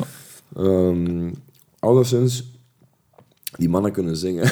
Ja, tuurlijk. Hey, zelfs Jimi, Jimi Hendrix, die gewoon niemand als eerste opwerpen van dat is nou de voice van zijn tijd geweest. Nee, maar... Maar die kan wel zingen. En dat deed er ook niet toe, dat hij zong op zijn nummers, maar het heeft er wel toe bijgedragen, nog aan zijn stijl en zijn... Allee, ja... Het, moet altijd passen bij hetgeen dat je mokt. Hetgeen dat je Ja. brengt. En dat is bij, bij Amanda Palmer en bij de Dresden Dolls is dat zeker, zeker het geval geweest. Ehm, ja. Ja. The Art of Asking. Ik vind, er zit er een boek van geschreven, ik heb hem besteld ondertussen. Ik wil hem echt lezen. ja, want ik heb ook gezien dat eh, van de Dresden Dolls ook twee boeken uit zijn. Ehm, de Dresden Dolls Companion en eh, de Oh. Virginia Companion. Cool. En dat zijn boeken eh, met tablaturen in op piano, Ah, zeg ik cool. geen reet mee. Misschien als er akkoorden mee staan wel, dan kan ik er misschien nog wel eens iets mee doen. Maar ehm, ze heeft er personal notes bij gestoken, foto's vooral van het ontstaan van de Dresden Dolls. En, zo. en die ga ik me ook bestellen, denk ik. Ja, ja, ja. Dus, eh, Dat dat, is is, cool. dat is wel interessant, denk ik. Ik vind het geweldig. De, de, die art of asking, dat idee is zo goed. Hè? Zo vraag mensen Het is knap. wat Ik vind dat zalig in deze tijd ook. Ask. Want, ja, ik ben enorm fan van de Zeitgeist-films en Ja. hoe dat ze door het monetair systeem Mhm. uitleggen, hoe dat, dat zichzelf ook echt ondermijnt. Ik geloof er 100% in. Ja. En je ziet dat zelfs gebeuren. nou. Ja, het is, het is, het is eh, actueel. we zitten Ja. nu in een tijd, mensen, ehm, de interest van de staat is onder, onder nul gezakt. Wat wil zeggen, elke lening die afgesloten wordt in obligaties en zo, verdient de staat sowieso aan. Ja. Dus dat, dat is een tijd van, Ja. ehm, het ondermijnt zijn eigen Het gewoon. systeem van de centrale bank is van de pot gerukt. Ja. Uh, wel, Oké, het land is nu half failliet. Oké, we moeten geld bijlenen. Maar gaan we dat doen bij de centrale bank? Oké, maar dat geld dat is mijn interest. Wie gaat dat inter- interest betalen? Ah, dat zal het voor, de, voor het volk zijn. Dat is in de belasting. Oké, dan gaan we twintig jaar verder. Ah, we hebben teruggeld nodig. Ah, we gaan naar de centrale bank, et cetera, et cetera. Ze hebben een huizencrisis gekregen in Amerika. En dan ze gaan nog, nog allerhande crisissen krijgen totdat dat een keer op een breekpunt komt. Dat komt er sowieso. Ik, dat is iets waar dat ik ten stelligste van overtuigd ben. Op politiek niveau en op alle niveau gaat een boel in elkaar stuiken. Ja. Gewoon. Ik weet niet of dat wij dat nog gaan meemaken, maar dat, dat komt eraan. Dat gaat sowieso gebeuren. En daaruit moet iets beters komen. Ja. En mensen like uh, Amanda, Palmer, Palmer. die, zijn, die trekken door het voortouw. Ja. Ja, Op die manier. 100% mee akkoord. In, in, in, ehm, op de manier hoe dat ze dan muziek Mhm. maken en denken over van zo kan ik het eh, financieren. Dat Ja. gedachtegoed op andere dingen toepassen. Ik, ik hoop dat er ooit een tijd komt zonder geld. Dat, dat, de, allee. Er zijn initiatieven nu, maar die spijtig genoeg opgekocht worden door kutbedrijven like Facebook. Ja, Ehm, die ermee. Wat was het? Die munt dat ze nu gaan uitbrengen? Ja. Ik weet niet meer hoe Maar het noemt zelfs. Als je dat gaat hebben, dan gaat je echt effectief wel echt kunst om kunst hebben. Ja. Ehm, hoe schoon zou het zijn dat je bijvoorbeeld zegt van ik schrijf een nummer vooral, like de barden vroeger in de Ja. middeleeuwen, en die daarvoor in ruil kost en inwonen en eten kregen. Zo. Ja, Dat, is, dat is nog heel, heel simplistisch Tuurlijk, voorgesteld. Maar, maar dat is wel schoon. Dat zou cool zijn. Omdat je dan ook niet meer... Allee, je bent niet meer afhankelijk dan van, van, Mhm. van financiering. Eh, je maakt het omdat je het kunt maken en nog het wilt maken. En je krijgt er dankbaarheid ruil. Ja. Want door draait hem ook uiteindelijk om, Ja. vind ik. Dankbaarheid. Eh, mensen, mensen zijn dankbaar om wat je gemaakt hebt. Omdat ze er iets in zien of in Ja. iets, iets in herkennen van dat raakt mij. Mhm. En door draait het. Maar meer, meer als dat is kunst niet. Ik vind dat vrees gewoon in die 10 minuten talk dat ze geeft, hoe ze dat voorstelt, meer, meer eh levend standbeeld Ja. zijn. Eh, Ja, hoe zei is ze een het nu weer? schitterende analogie. Hè. Zij stond eh, op een doos en stil Ja. te zijn. Ehm, mensen legden geld in haar bakje en ze nam dat geld dan aan en ze gaf die een bloem terug. ja, En ze zegt dan van, ik zie u, ja. dank u. En die mens zegt dan waarschijnlijk iets in een trend van, eh, niemand ziet mij ooit, ja. dank u. Ja. Dat vind ik, ik vind dat fantastisch gewoon gezegd. Dat zijn heel weinig woorden. En dat idee is gewoon... mensen gaan misschien die podcast dat we nu aan het opnemen zijn horen en ons eh, naïeve klootzakken vinden, maar dat kan allemaal best zijn, maar dat neemt niks weg van dat idee. Nee, dat, dat- en dat is nodig. ja, dat is echt nodig. Als je ziet wat dat mensen nou nastreven, die, we komen er niet zo mensen op deze manier, echt niet. Ja. En ik ben blij dat er nog altijd zo mensen zijn, lekker met dat Palmer, die met zo schitterende ideeën komen, of, of gewoon ook de ballen hebben van dat te doen. En laat het een linkse zijn. Wel, dat is nodig. Ja, dat, is, dat heeft er ook niks mee te maken. Nee, nee, nee. Het, is, het is een outsider vooral. Ja. Ehm, en ik denk Op dat... zich eh, is dat, dat is ook een, een businessmodel, hè. Tuurlijk. Maar dat is schitterend. Dat is gewoon omdat dat niet conformistisch is. Ja. Dat is niet van... eh, als je kijkt naar de tijd van de Stones, manneken, wat voor een, een, een vieze business dat Ja. dat was in de jaren zestig. Ehm, groepen en, en hun platenmaatschappijen. Mhm. Dat, was, dat is echt een industrie geweest. En nog, hè, maar het zit op zijn gat volledig, maar Ja. dat, dat was echt een industrie. En hoe kun je dat vereenzelvigen met kunst? Allee, dat, daar heb ik het heel moeilijk mee. Ja, bedoel, er zijn fantastische dingen gemokt, gelukkig. Maar ik denk dat er toen heel veel mensen rondliepen met zeker zo integere gedachten die niet aan de bak gerokt zijn door dat systeem Ja. ook. ja. Zeker. Eh, het was nieuw, hè. Ja. En de verkeerde mensen hebben er misbruik van proberen maken en de juiste mensen weer in het zak gezet. Dus dat is gewoon Dus ik zo, altijd ik bijvoorbeeld een, een documentaire gezien over Elvis, hè, met de, de Colonel, Ja, ja, ja, zijn een manager. Dat, dat is gewoon, dat is, dat die weet geen kloten van muziek, die weet geen kloten van rock en roll. Dat is een businessman. Ja. Ja.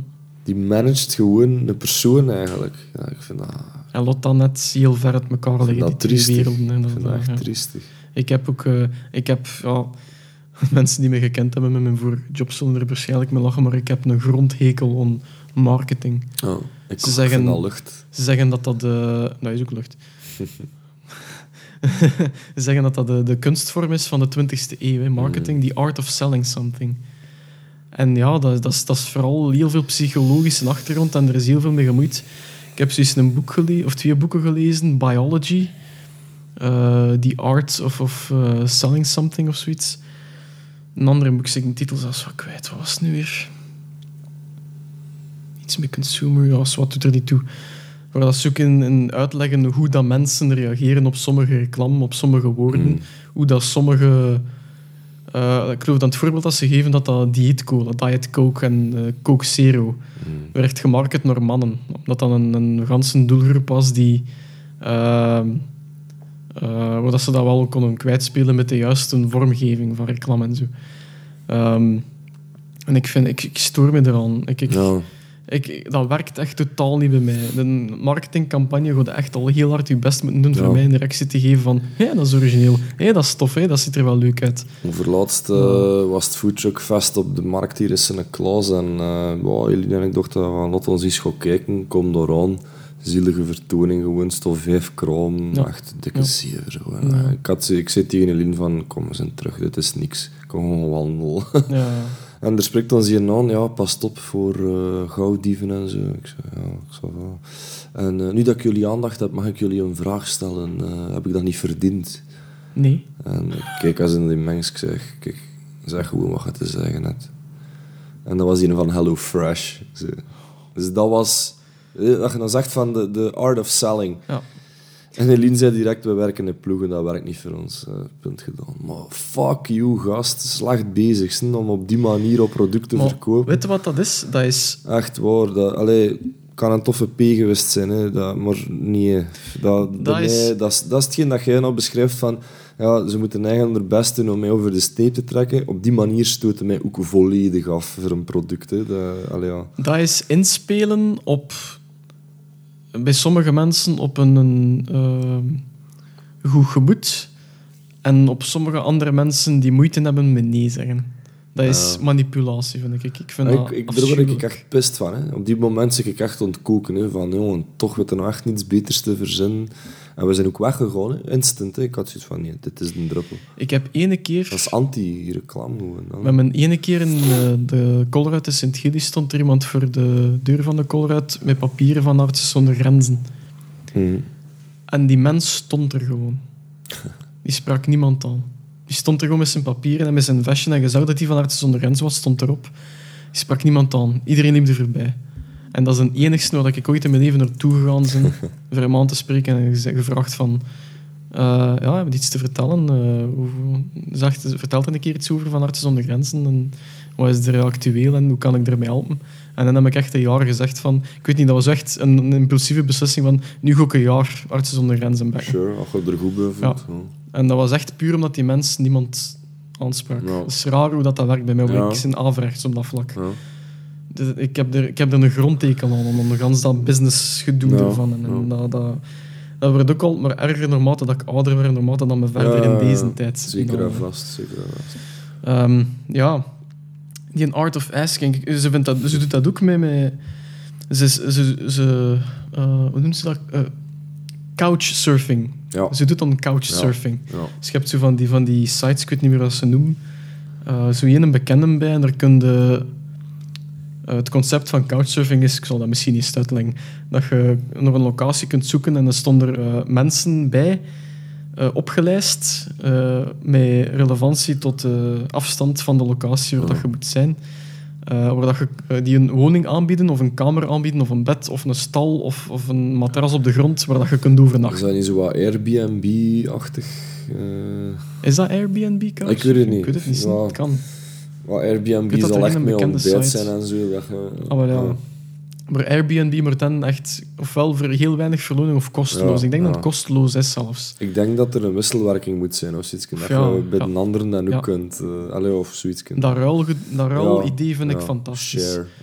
Ehm, en de, de verhalen dat ze ervan vertelt, ze zal er nog wel eens een boek van uitbrengen. Ze heeft duizenden verhalen, zegt ze, waar dat ze terechtgekomen is. En ze vertelt er eentje van een heel arm gezin waar dat ze terecht kwam. En dat zij dan als rijke artiest hè, in verhouding eh, gratis ging komen overnachten. Omdat ze tegen geen hotel moest betalen, maar ze- om, ook omdat ze die connectie met mensen actief goed opzoeken. En ze vroeg dan eraf van, eh, is dit fair? We zijn ik hier nu geen eh, misbruik van aan het maken? En de volgende dag kwam die moeder naar haar en ze gaf die, kwam die een kom soep brengen of zo. En dan zei ze van, mijn dochter heeft zoveel in uw muziek gehad en dat betekent zoveel voor haar en dank u. Dus Dank u ervoor.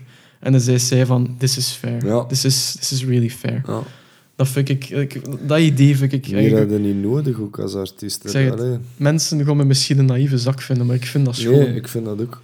Ik, vind dat dat ehm, moet kunnen. In, in, in mijn Dat dat huidige job ehm, heb ik het... eh, vroeger kon ik als, als ehm, een van de mensen...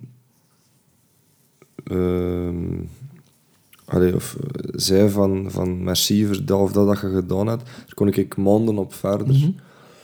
dan, dat wordt korter en korter nu bij mij. Zo. Dat, omdat, het wordt ook zeldzamer en zeldzamer.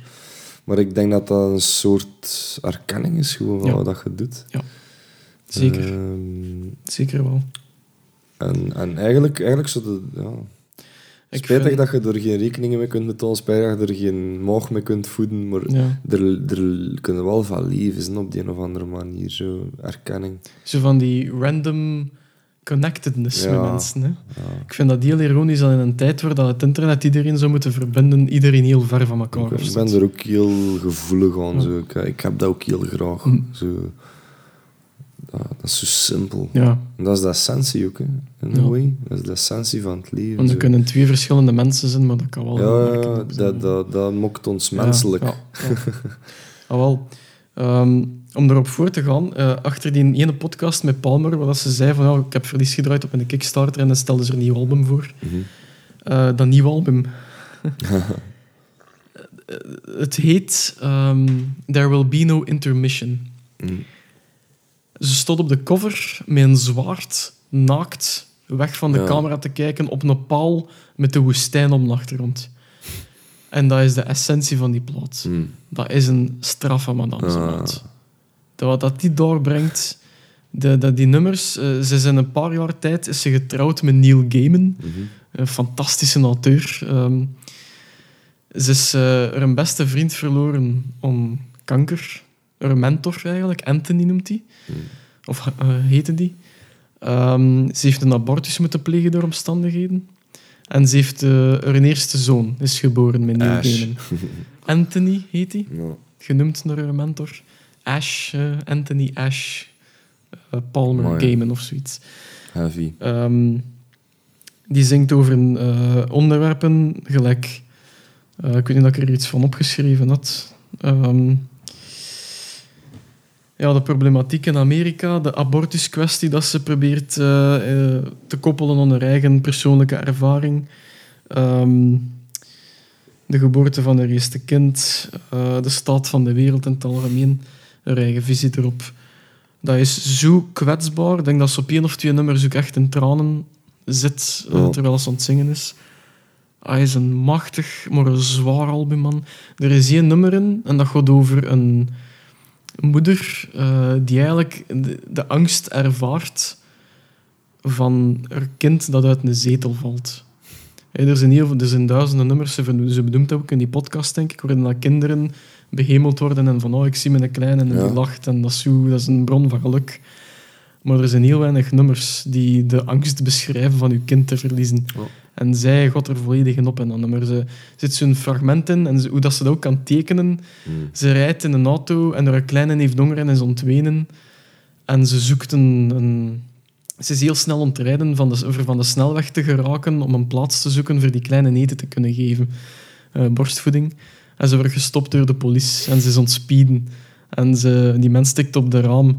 En ze hoort die mensen niet praten, omdat haar kleine te hard ontwenen is. Maar dat is echt zo, dat is, dat is, een- dat is iets reëel. Hè. En voor vrouwen is dat, dat, ik heb dat eens voorgelegd aan mijn vriendin, en dat is wel zo. Ja. Die hebben meer dan mannen die momenten dat ze dan even te veel is. Ja. Dat dan, dan er even niet meer bij kan. En zij zit dan ook in die notto in tranen, hè, om die vlekje er te laten stoppen. En dat is zo net te veel. Ja. Maar zo ook van, ik kan niet goed genoeg voor mijn kleine zorgen. En dat is zo dat. Mm. Dat is het gevoel, het gevoel dat je er dan bij hebt. En dat probeert ze dan te benoemen met allerhande scènetjes. En, en, Mooi. en dat, dat, dat chorus, dat chorus, wat de hel. Dat chorus is dan zoiets eh, like, at least the baby's still alive. En dat is zo de noot van hoop in dat nummer. Ik, ik vind, dat is zo schoon Mooi, ja. gebracht allemaal. Dat is dat strafste. En dat is nu van maart 2019. Eh, echt eens naar luisteren. Ja. Maar het is echt een heel zwaar werk. Ja. Dat is niet simpel. Maar knap hoe dat ze eigen er letterlijk in bloot geeft. Het is echt ja. op die kaftan staat. hè, de Nijgsten. Ehm, dus dan is er zo dat. Ehm, en na die podcast begon er een andere podcast dat er niks mee te maken had. Maar omdat we er nu toch over bezig zijn, dat is een auteur van de New York Times, eh, David Brooks. En het god herleiden naar wat Amanda Palmer, wat hij verstaat en wat dat allemaal, dat hij er de wereld ziet. Ehm, dat is een columnist en een auteur En die ehm, is heel vitriolisch, is dat een woord? Die, die, die spreekt met heel vitriol in zijn columns over de staat, of het land Amerika, of de, de staat van de wereld vandaag de dag. Hoe dat de, eh, de gemeenschap zo ver te zoeken is. Mhm. Ehm, dus die mens die is door een scheiding gegaan. Eh, die heeft heel veel vrienden verloren. Dat was een redelijk rechtsdenkende mens. Eh, en die, die heeft heel veel respect verloren bij zijn vrienden door die scheiding. En heel veel vieren en vijven. Dus die zit, zit zo wat meer op de middenmoot nu. Mhm. Ehm, en die is beginnen nadenken en beginnen schrijven over dat idee van gemeenschap. Want hij viel in een gat, maar hij was niet alleen. Er- Hij vond, hij had ontdekt dat er heel veel mannen in dezelfde Ja. situatie zaten als hij en vrouwen. Ehm, en hij heeft het over, op een bepaald punt over het, eh, de jaren 60 en de gemeenschap. Ehm, toen was heel veel sterker en we hebben het gehad over de babyboomers. Ehm, hoe dat die zijn eigen, eh, zichzelf afgezet hebben eh, van, hun, van hun, hun ouders en de generatie erop, Generation X, hoe dat, die, hoe, dat die dan eigenlijk een beetje de gemeenschap gemist hebben. Omdat die hun ouders zichzelf afgezet hebben tegen dat idee. Ehm, en hij, stelt, stelt dan de generatie daarna, waar dat wij invallen, Generation, wat zijn wij, Y? Hm. Of nee, eh, we zijn de millennials. wij. Millennials, ja. Gen- eh, Generation Y, dat is hetgeen dat erna komt achter de millennials. Eh, die hebben eigenlijk niks van gemeenschap meer. Die zitten op internet, die hebben wel wat vrienden op school, maar er gebeurt niks niet meer. Er is heel weinig engagement. En hij stelt, als we Amerika en de wereld politiek willen redden, moeten we heel klein gaan terug. Ja. We moeten terug naar dat gemeenschap. Maar hetgeen dat, dat, dat ermee brak in de jaren 60 was dat racisme, dat misogynie, eh, heel veel achterklap, Mm. heel veel, ja, eigenlijk heel veel haat eh, in de achtergrond. En de jeugd van tegenwoordig heeft dat minder. Ja. Dus als je dat gedachtegoed kunt combineren met de gemeenschap van de jaren 60, heb je, iets, heb je terug gemeenschap. En dat is nu iets waar dat hij streeft. En hij noemt de mensen die ervoor gaan. Hij noemt, benoemt dan een paar voorbeelden van mensen die vrijwilligerswerk doen en dit en dat, maar die doen dat echt uit eigen beweging voor de gemeenschap, zonder betaling. Gewoon omdat die er voldoening van hebben en omdat die de gemeenschap dan Ja. naar een, een, piedestal kunnen heffen. En die noemt die Weavers. Weavers of Community. Ik heel schoon. En hij benoemt dan ook van... ehm, je hebt tribes. En tribes zijn de donkere versie van een community. Die, ehm, eh, een community is gebaseerd van wederzijdse affectie. Mhm. Hey, we doen iets voor elkaar, omdat wij samen leven. Dat, dat, dat is op zich al fantastisch. Hè? En tribalism is er tegenovergestelde van, dat je samen leeft, maar gebaseerd je op ehm, eh, mutuele, gemeenschappelijke haat Ja. tegen een andere groep.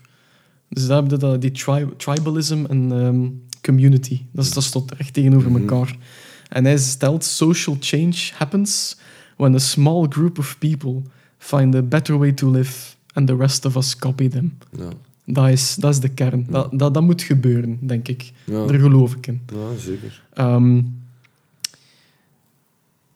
en dat vind ik geweldig, want dat le- herleidt naar hetgeen dat Amanda Palmer Mhm. verstaat als artieste.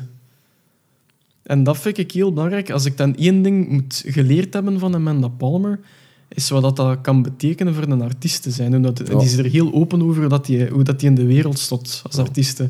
Zowel met praktische zaken, like monetair, Ja. eh, logistiek, Ja. maar ook eh, waar moet hij slapen. Maar die is heel open ook in het vragen, en daar gaat er een boek over. Op, die gebruikt Twitter voor dingen te vragen aan mensen. En mensen begonnen dat vrijwillig naar haar brengen. Mhm. Zij is Amanda Palmer en ze heeft dat voorrecht misschien door haar fans. Maar waarom kan dat niet werken op kleine schaal? Waarom Mhm. kan dat niet in een gemeenschap werken? Mhm.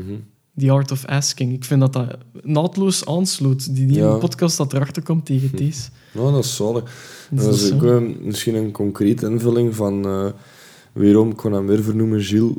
Mhm. Ehm, toen dan ik met hem in... eh wacht, wanneer is het toch geweest zijn? 2011, denk ik. Zijn we de eerste keer eens naar Californië geweest. En dan zei hij dat eigenlijk al tegen mij van... pff, wij gaan een van de laatste generaties zijn dat die eens kunnen permitteren. Ook puur voor het milieu. Ja. Ehm ze altijd mega erg mee bezig geweest. Ehm, maar ook toen heeft hij mij ook wel gesproken over de idee van de wereld is ons, ons dorp geworden. Hij zegt, maar ik geloof, toen zei hij al, van, dat we terug naar kleine dorpsgemeenschappen moeten gaan. Ja. Kleine afstand, eh, veel ecologischer. Ehm, en zo was het vroeger ook. Mensen kwamen niet buiten een dorp en leefden in een dorpsgemeenschap. Nou leef ik ook in een dorp, maar er is geen Er gemeenschap. is geen gemeenschap. Ah, wat is dat al een breek nu? Maar ik denk dat er door het internet dat er heel schone mogelijkheden zijn voor dat wel Mhm. terug in te voeren. Zelfs met kleinschaligere politiek. Eh, maar dat je wel verbonden blijft door dat internet. Dat je Ja. er wel kennis van kunt blijven halen. Dat je wel wereldnieuws kunt blijven opvangen. Zodat je niet dom, dom opgroeit in een kleine gemeenschap. Want dat is een beetje Ja, ja. tegenovergesteld. Inderdaad, dat ja. keerzijde van Ja. die medaille. Maar dat hoeft niet zo Ja, te zijn in deze mensen dan nooit de Ziaten gezien, Ja, bijvoorbeeld. eh. inderdaad. ja. Maar het is, het is vrij... ai. Nou, ik weet niet of we met hier moeten afronden, misschien? Eh, of dat je nog iets te zeggen had? Of... Eh, ik heb juist nog de, de producer opgezocht. Dat is wel de grote meneer nog, eh, van de Dresden Dolls self-titled album. Dat was Martin Busy. En die heeft ook ehm, eh, de Sonic Youth geproduceerd. Ah, oké. Wow. Dus die mogen we niet zomaar links laten Ja. liggen. Ehm, dus ik kom misschien later nog wel terug. Makes sense. Ja, voilà, voilà, voilà. Past er ook weer bij. Eh, ik had twee quotes voor met te eindigen. En ze vallen naadloos in waar dat we over gesproken hebben. Ja. Ehm, het eerste is... eh, we hebben het gehad over, enigszins over empathie in een deel. En Mhm. Volgens Amanda Palmer is... eh, het, is het is de quote, ik zo gewoon voorlezen. Empathy and compassion are necessary in the darkest of circumstances. If we don't have it, we can't fix or change anything. And this is the sword I will die on. Dat Zo. vind ik een heel krachtige uitspraak. Mooi. Eh, het was in context met... Zat, is dat een keer... Ze ze ze was in opspraak gekomen met ehm, iemand die een aantal moorden had gepleegd. En zij stelden dat je er ook empathie, compassion voor moet kunnen geven. Voor dat soort mensen. En ik dacht dan direct terug aan Johnny Cash.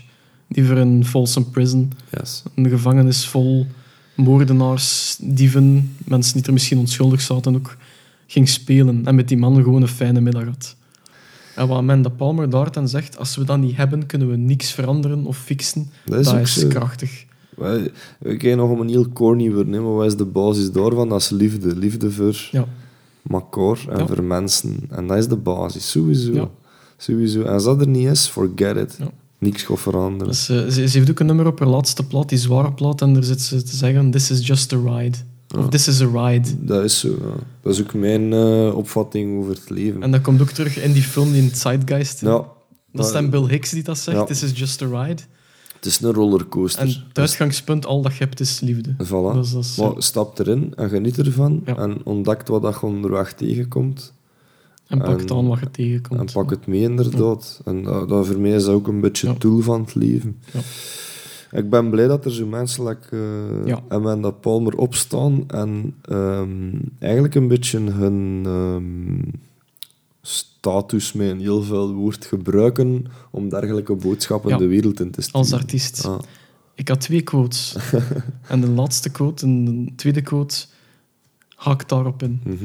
Ehm, er is een... eh, het, komt, het komt van James Baldwin. En ik heb het ontdekt, ik heb het gelezen in context van een interview met Amanda Palmer. Eh, maar ik weet niet meer precies waar, want het is, het is allemaal heel snel gegaan van de week. Het was een heel hectische week. Maar het komt van James Baldwin eh, in een interview, ik denk dat het een socioloog is, in een interview over de plicht van de artiest tegenover de samenleving. Ehm, en die quote zegt: A society must assume that it's stable. Dat is de taak van een samenleving, voor te, Mhm. ervan uit te gaan dat ze stabiel is, dat ze kan blijven bestaan. En Baldwin zegt dan: But the artist must know, and he must let us know, that there is nothing stable under heaven. Mhm. En dat, dat ervaar ik heel hard met Amanda Palmer. Ik denk ook dat dat de essentie van kunst is van een spiegel voor te houden. Dat is wat kunst altijd gedaan Ja. heeft. En laat En dat zijn wat Amanda Palmer... Laat mensen reflecteren Ja, daarover. laat dat zijn wat zij heel goed doet. Zeker. En zeker met die laatste plaat in het achterhoofd, echt wel, Nou, echt wel bal erop. ja, ja. ja, dat is echt een, een straffe madame. En eh, gelijk dat je zei in het begin van, ook toen met de Dresden Dolls, dat was meer dan een fantastische drummer en een eh straffe madame Ja. die zo'n muziek maakt, maar zat veel meer achter. Toen al, in de zin van, ehm, we nemen er dat dramatische bij. Maar na meer solowerk denk ik dat ze dat alleen maar meer bewijst. Hoe integer dat Mhm. Ja. is. En dat woord blijft terugkomen in al onze afleveringen. Ehm, en eh, ja, meer kan ik er ook niet over zeggen. Er is ergens een interview waar dat Neil Gaiman, een man, Ja, eh, er interviewt over een nieuw boek als ze die Cool. het voorstel. Ehm, dat is ook een aanrader voor eens te bekijken, maar dan zie je ook hoe dat hij is en hoe dat hij denkt. En ze heeft het dan over een boek die zelf autobiografisch ook dan... Allee, ja, dat, dat- ik vind het een prachtvrouw. amen. Meer kan ik er niet de over zeggen. van de buren vindt het ook. Dus bij deze... Het is een uur en een half deze keer, zie ik. Eh iets langer dan de vorige, maar het is, ik denk dat het wel terecht was. We zijn, Ja. we zijn even uitgeweid, maar dat is wel hetgeen dat Palmer en de Dresden Dolls nu recentelijk bij mij eruit gehaald hebben, voortgebracht hebben, dat gedachtegoed. En ik speel er al heel lang mee met die ideeën, maar, maar ik vind dat fijn dat een artiest, en dat is dan waar dat die, quote, die laatste quote over ging, Ja. me die spiegelt dan nog eens voorhoudt en waar dat ik, dat ik in kan herkennen. Die ideeën dat ik daar van her en daar opvang, dat dat gereflecteerd wordt in hetgeen dat die brengen naar de samenleving. Voor de podcast ehm, zei ik van, ik ben benieuwd naar waar dat ons dat gaat leiden. Niet dat geleid tot waar dat jij dacht Exact. dat het naartoe ging gaan, bij mij ook. Exact. Ja. Ja. Dus zo moet dat zijn. Ik denk dat we hem op die noot wel Ja, kunnen puntje besluiten. achter zetten. Goed, als je tot hier geraakt zit in de iets langere aflevering dan de voorbije keren, dank u wel. En luister het zeker een keer, of kijk zeker een keer naar Amanda Palmer. Het is een aanrader. Tot de volgende. Joep.